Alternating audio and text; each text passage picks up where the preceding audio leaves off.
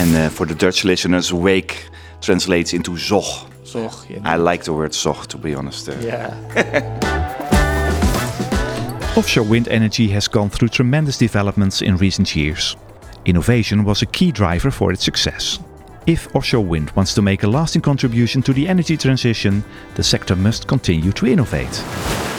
I am David de Jager of GROW, a consortium with a joint research program in offshore wind. In this podcast series, I want to give you an impression of the key research and innovations that will shape the future of offshore wind. Hello, I'm sitting here with Jan Willem van Wingerden at the Technical University of Delft. Jan Willem, where am I? What is your role at the Technical University? And well, we are talking about uh, the project later on. Yeah, so you're sitting here in the uh, Wind AI Lab uh, in our new facility with uh, a wind shaper at Mechanical Engineering uh, here in Delft, at the TU Delft. And you are a professor here? I'm a professor in the field of data driven control, but with applications in wind energy. Are you only working for wind energy or Yeah, Yeah. nah. so yeah, my research group is really focused on developing algorithms for turbines and uh, wind farms. So it's really about data, computation, and then feeding it back to the control of the wind turbine. Yeah, so it's the AI basically, yeah, the logic behind uh, a, a turbine or a wind farm, the, to make it smart. That's what we do. But we also think about new actuation strategies, so um, pitching, flaps, or whatsoever, and also sensing technologies like lidar and these kind of things. In fact, we are sitting in a device. Can you describe that uh, to me? yeah, so it's uh, um, a new type of wind tunnel. So a typical wind tunnel has uniform inflow. And what we see over here is a, a wind tunnel with like 700 independent vents, which we can also control independently. And with these kind of vents, we can make turbulence and we can also make time varying wind profiles. And that's what you have in reality. So also you have to test your algorithms, your turbine controllers and wind farm controllers under time varying conditions. And that's what we try to do with this facility. So 700 of these devices, you can control them independently and you can put time varying conditions in here. Yeah. And it's not a big box, we can sit in it. Uh, and they look a little bit like the computer fans. Uh, They are basically they are computer fans, but they have a fan at the, the front and at the back to also remove the rotation from the flow. okay. Um, yeah, and it's like two by two meters, more or less, this space. and uh, between us is a scaled uh, wind turbine, uh, a model. Well, what can it do? Yeah, so this is uh, a skilled turbine, um, has a rotor diameter of uh, 60 centimeters. Um, it can do yaw control, so misalignment with the main wind direction. Uh, we can, of course, do speed control, changing the, uh, the torque. And the nice feature out this machine is that it can do cyclic pitch control. So it has a swash plate, such that we can turn the blades independently. And do all the blades, well, we talk about that later maybe, do they all move it, the same movement or can they be independently controlled? Yeah, so independent. So that's really difficult to scale, right? So if you go to a big uh, multi-megawatt turbine, they have individual pitch capabilities, so they can move independent. Um, at this scale, at uh, 60 centimeters and at these high RPMs, it's quite difficult to develop turbines that can have individual pitch control. So that's why we borrowed something from the helicopter industry, which is called a swash plate. So here's a swash plate, and then you can do cyclic pitch. And what, what cycle? Okay, you, Cyclic basically means that all the blades can be controlled independently, but they're always 60 to 120 degrees out of phase. okay. So you can only put a sinusoid in over one rotation. And we are, um, well, this test turbine is, this small scaled uh, turbine, is used for a bigger project that you are responsible. You are the project coordinator. Yeah. Uh, a dynamic wind farm control. Um, maybe it's good. It's a project that's part of a commercial tender that was won by a consortium of Shell and Eneco in a joint venture, Crosswind. And part of this were five research work packages. And this dynamic wind farm control uh, project is, is one of them. And well, you have, I think, a big responsibility to move uh, from a technology re- uh, reference level three to seven in uh, seven years' time, I believe. What is the project about? Yeah, so um, we are basically going to test two technologies. Um, and indeed going from a low TRL to a high TRL. Uh, so the first technology is, is wake steering, closed loop wake steering. And the problem that we try to tackle there is the wind farm control problem, uh, that there is wake interaction within a wind farm. So what you can do with a turbine, you can misalign a little bit with the main wind direction such that you can redirect the wake. If you do that for the whole farm, you can extract more energy out of the, the, the wind. Uh, that's not a new concept. What we believe is that you have to do this in closed loop. So you have to take measurements into account from the whole wind farm and continuously ad adjust the yaw settings of all the individual uh, wind turbines in a farm. So that's technology one. The second technology, so that's a really new technology, it's called wake mixing. And what we do with wake mixing is that we are going to change the individual pitch angles in such a way that you get a helix shape in the wake, which will destroy the wake. And if you can do that, you can also extract more energy out of a wind farm. So that's also technology that we're going to test in 2025 within the HKN wind farm. So indeed, yeah, the pressure is on. and uh, the these movements, this control, how how frequent do they change uh, position? Starting with the the the the yaw? Yeah, so that of course depends. It depends on, on many conditions. Then depends on the the wind direction. So if there's a, a, huge amount of wake interaction, then you really want to use wake steering.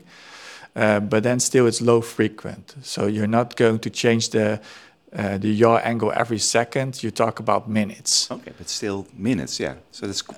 Yeah, so that's what you want to do. You want to anticipate on time varying flow conditions course, it's the yaw drive, so it can only be uh, uh, low frequent. Um, so that's for yaw. Um, for the helix, that's just changing the pitch angles. And you only want to turn it on, this technology, if there is a huge amount of wake interaction, because then you can break down the wake. Um, and, yeah, and that's continuous. Um, and then as, the, as a, the, the wings of a bird. There. Yeah, so so you, they pitch the blades with the, the rotational frequency um, of the turbine. So that's around uh, one cycle is like 10, uh, 10 12 seconds. That's requires a lot of uh, computational power probably if you want to really control that uh, and predict and, and, and, and loop the, the data as you were saying? Yeah so the, the main challenge is really to find the hotspot in, in the uh, for the helix. You want to find an optimal amplitude of these perturbation signals and you also want to find an optimal amplitude um, because for some frequencies this may, uh, mixing seems to work and for some, some other frequencies it doesn't so that's also one of the research topics uh, in this uh, big project, where we would like to fully understand what's going on with the wake, so that we can also optimize the input signals. And uh, for the Dutch listeners, wake translates into zog. Zog, indeed. I like the word zog, to be honest. Yeah. um, and can, can you guide us through the the whole project? Uh, at the moment, I think it's just your idea and a lot of computations that support your idea that it could work. But can you guide us through the steps towards maybe implementation in Hollandse Kust Noord? Yeah, so indeed, uh, so it's a, project of like uh, seven years. In total, we will have uh, six PhD students and two postdocs.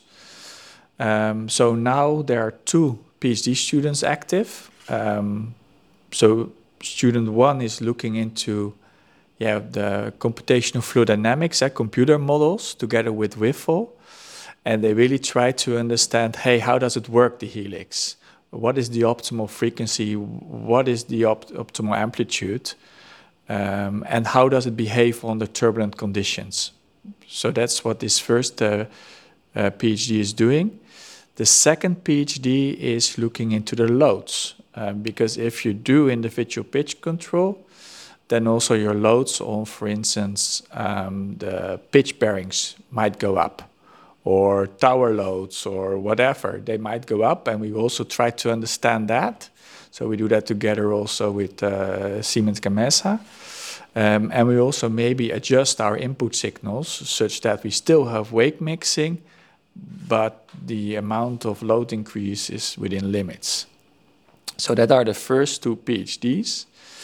Then this year, PhD 3 should start and working with basically this small uh, turbine and testing the technology. Seems to me a, a nice job. Yeah, honest. so we're still looking for a PhD.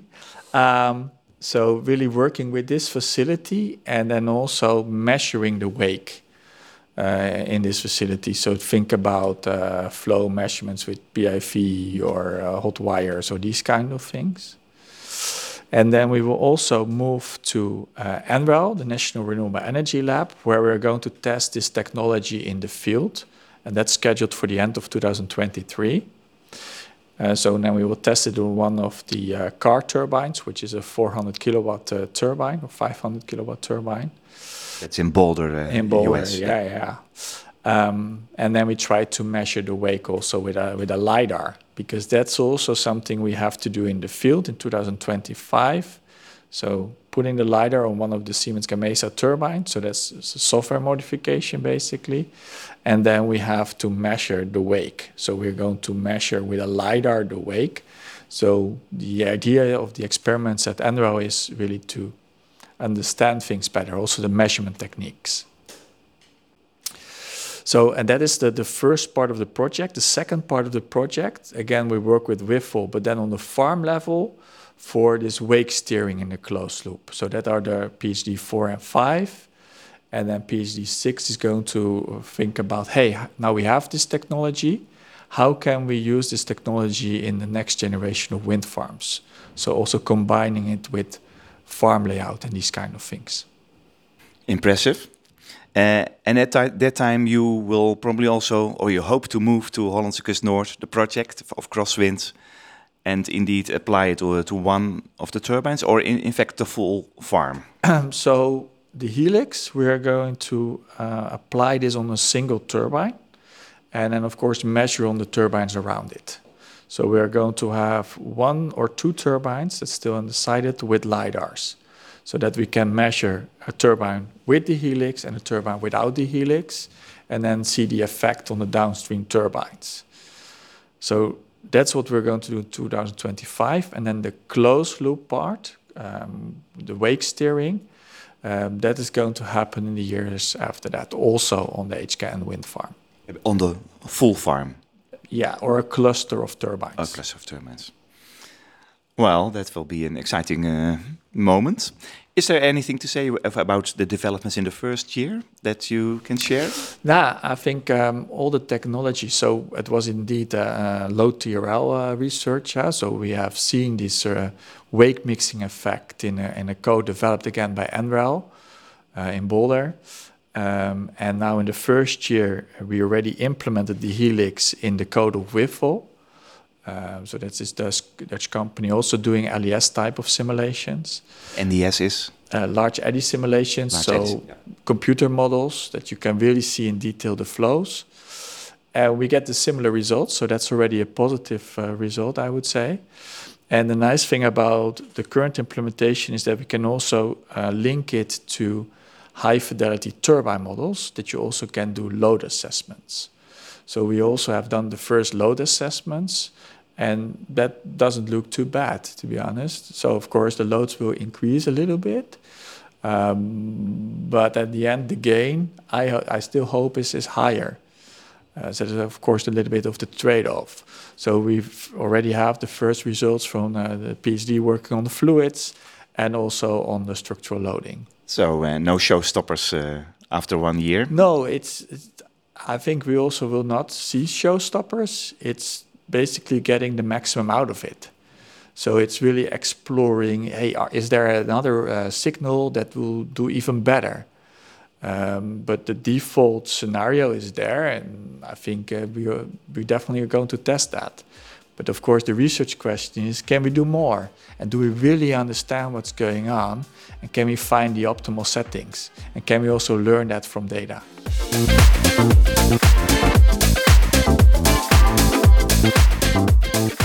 in the end, if we are in 2027 or 28. Uh, we have these new insights.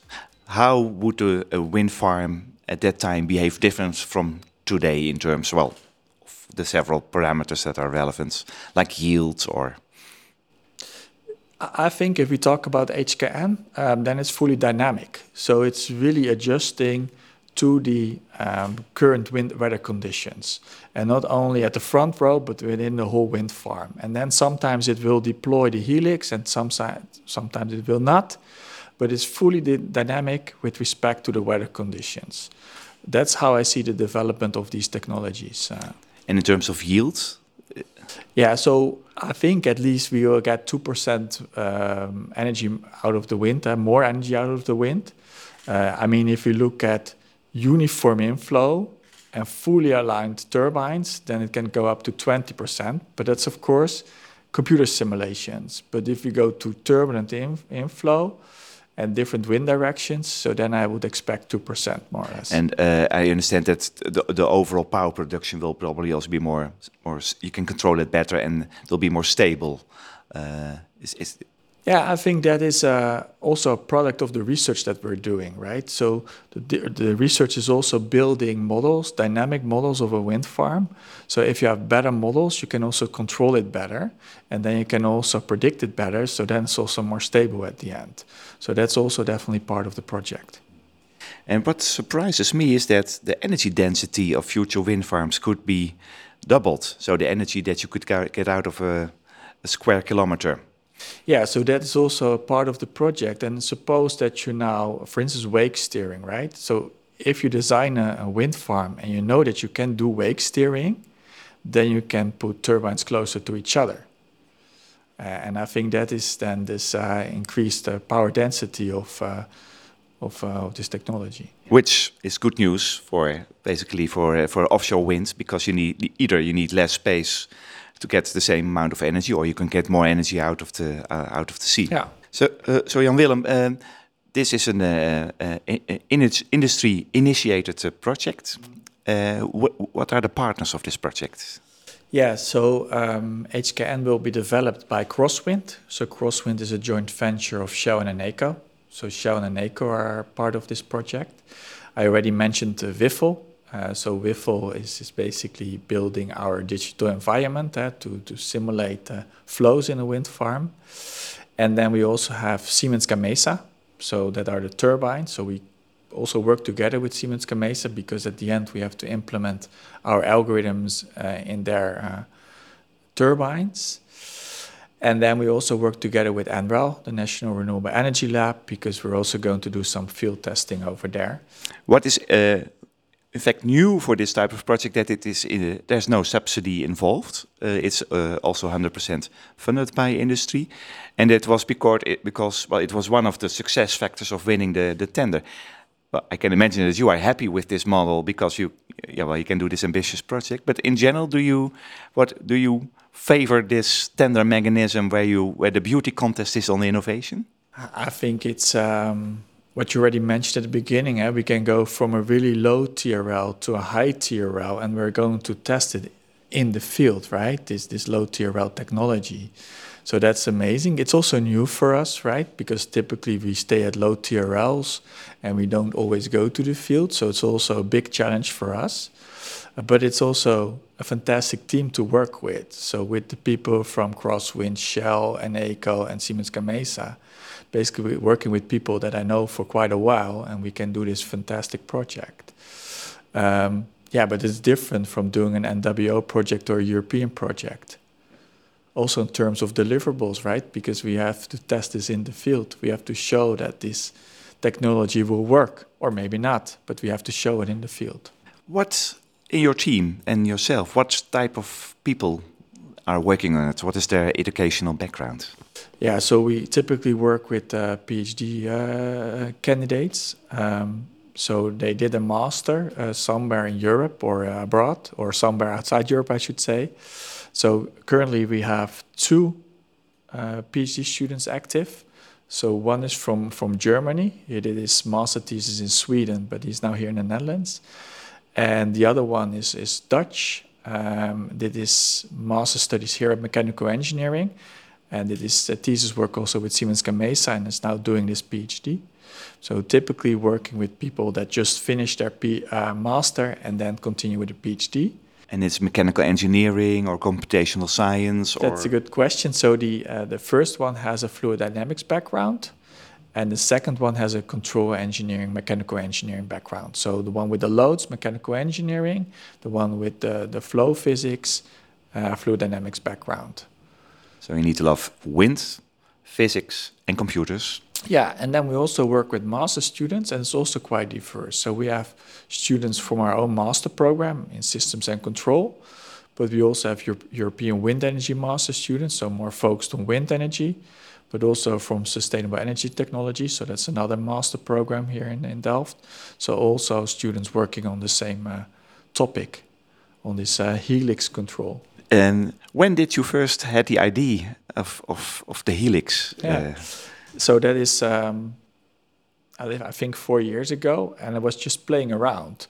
So there was always uh, we looked into uh, wake steering and dynamic wake steering, and you name it. And then we had this nice computational environment called SOWFA. So that's um, a computer model where you can simulate flows.